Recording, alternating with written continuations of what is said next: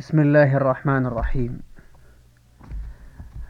الإحرام أمن وإيمان. الحمد لله الذي جعل عبادته لنا أمنا وإيمانا وصلى الله وسلم على محمد وعلى آله وصحبه أهل الوفاء بالأمن والإيمان وبعد.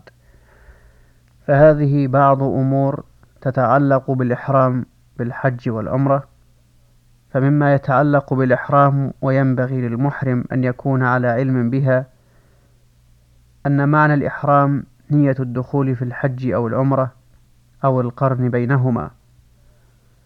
ثانيا أن هذه النية تلزم حينما يصل الحاج أو المعتمر إلى المواقيت التي وقتها رسول الله صلى الله عليه وسلم لجميع أهل الجهات الذين يمرون بها مريدين الحج أو العمرة.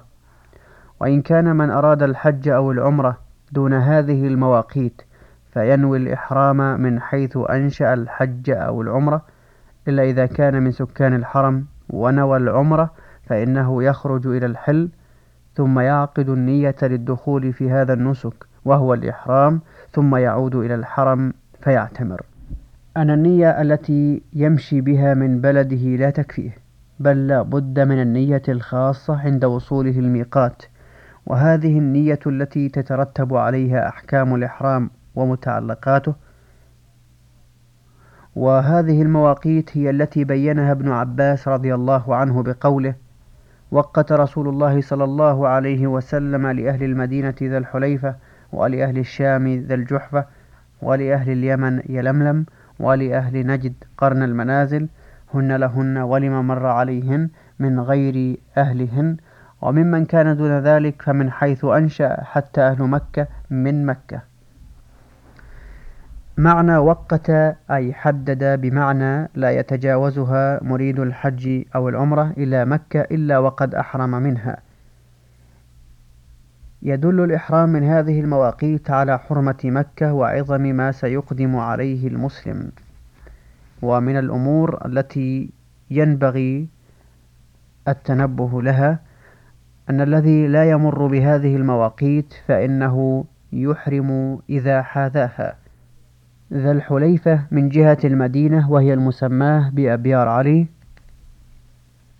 والجحفة هي قرية على ساحل البحر فإذا مر بها أو بما يحاذيها كرابغ فإنه يحرم.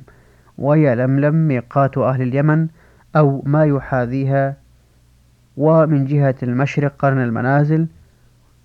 هذا ولما تعددت الطرق المعبدة عين المسؤولون ما يحاذيه من كل طريق. فمن جهة الطائف ما يسمى بالسيل كما وقت عمر لأهل العراق ذات عرق وهو مكان يقع شمالا عن السيل. الوافدون عن طريق البحر يحرمون إذا حاذوا هذه المواقيت. فإذا كانوا قادمين من جهة الجنوب فبمحاذاتهم لميقات أهل اليمن ومن جهة الشام أو مصر فبمحاذاتهم الجحفة. القادمون مما يحاذي جدة غربا يحرمون من جدة والقادمون عن طريق الجو يحرمون إذا حاذوا هذه المواقيت من أي جهة قدموا. وكيفية الإحرام أيها الإخوة في الطائرة؟ أن يعقد النية ويلبي بما ينوي فإذا كان ينوي حجا فيقول لبيك حجا وإن كان ينوي عمرة فيقول لبيك عمرة متمتعا بها إلى الحج. وإن كان ينوي القرن بينهما فيقول لبيك عمرة وحجا ولو لم يصل ركعتين ولو لم يتهيأ للنظافة.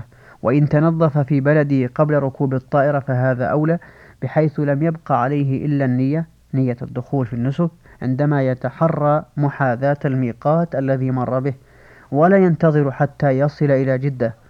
فإن كان ذكرا ومعه إزاره ورداؤه لبسهما في الطائرة أو قبل الركوب. ثم إذا أراد عقد النية تجرد من الملابس الداخلية والخارجية وما يغطى به الرأس. فإن لم يكن معه الإزار ولا الرداء اتزر بغيرهما. إن أمكن فإذا لم يمكن عقد النية بالسروال إن كان ساترا للعورة فإن لم يكن ساترا عقد النية بما عليه من اللباس ثم إذا هبط بجدة وتحصل على الإزار والرداء لبسهما وخلع سراويله وليس عليه شيء. لقوله صلى الله عليه وسلم فمن لم يجد إزارا ورداء فليلبس السروال.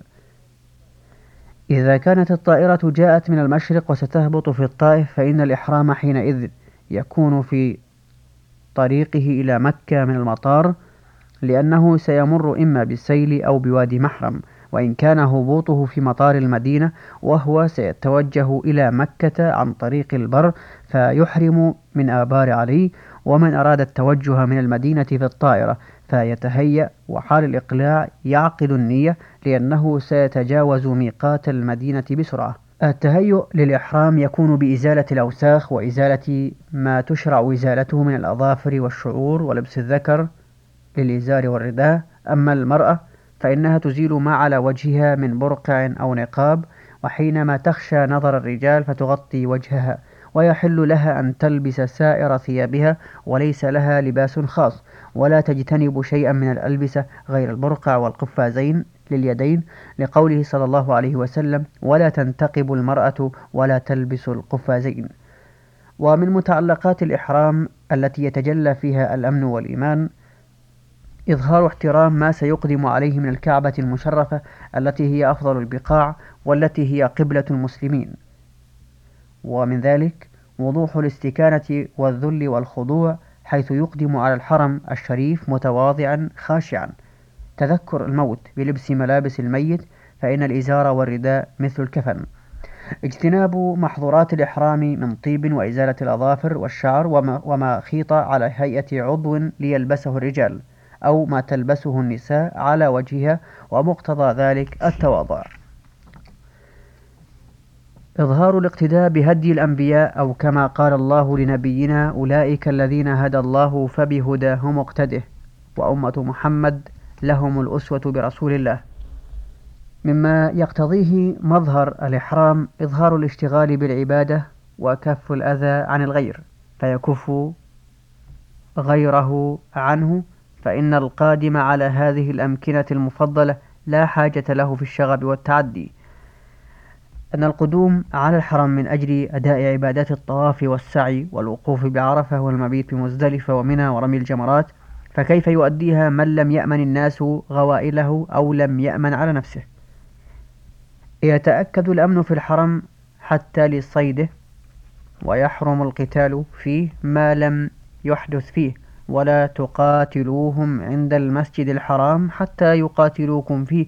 فإن قاتلوكم فاقتلوهم كذلك جزاء الكافرين.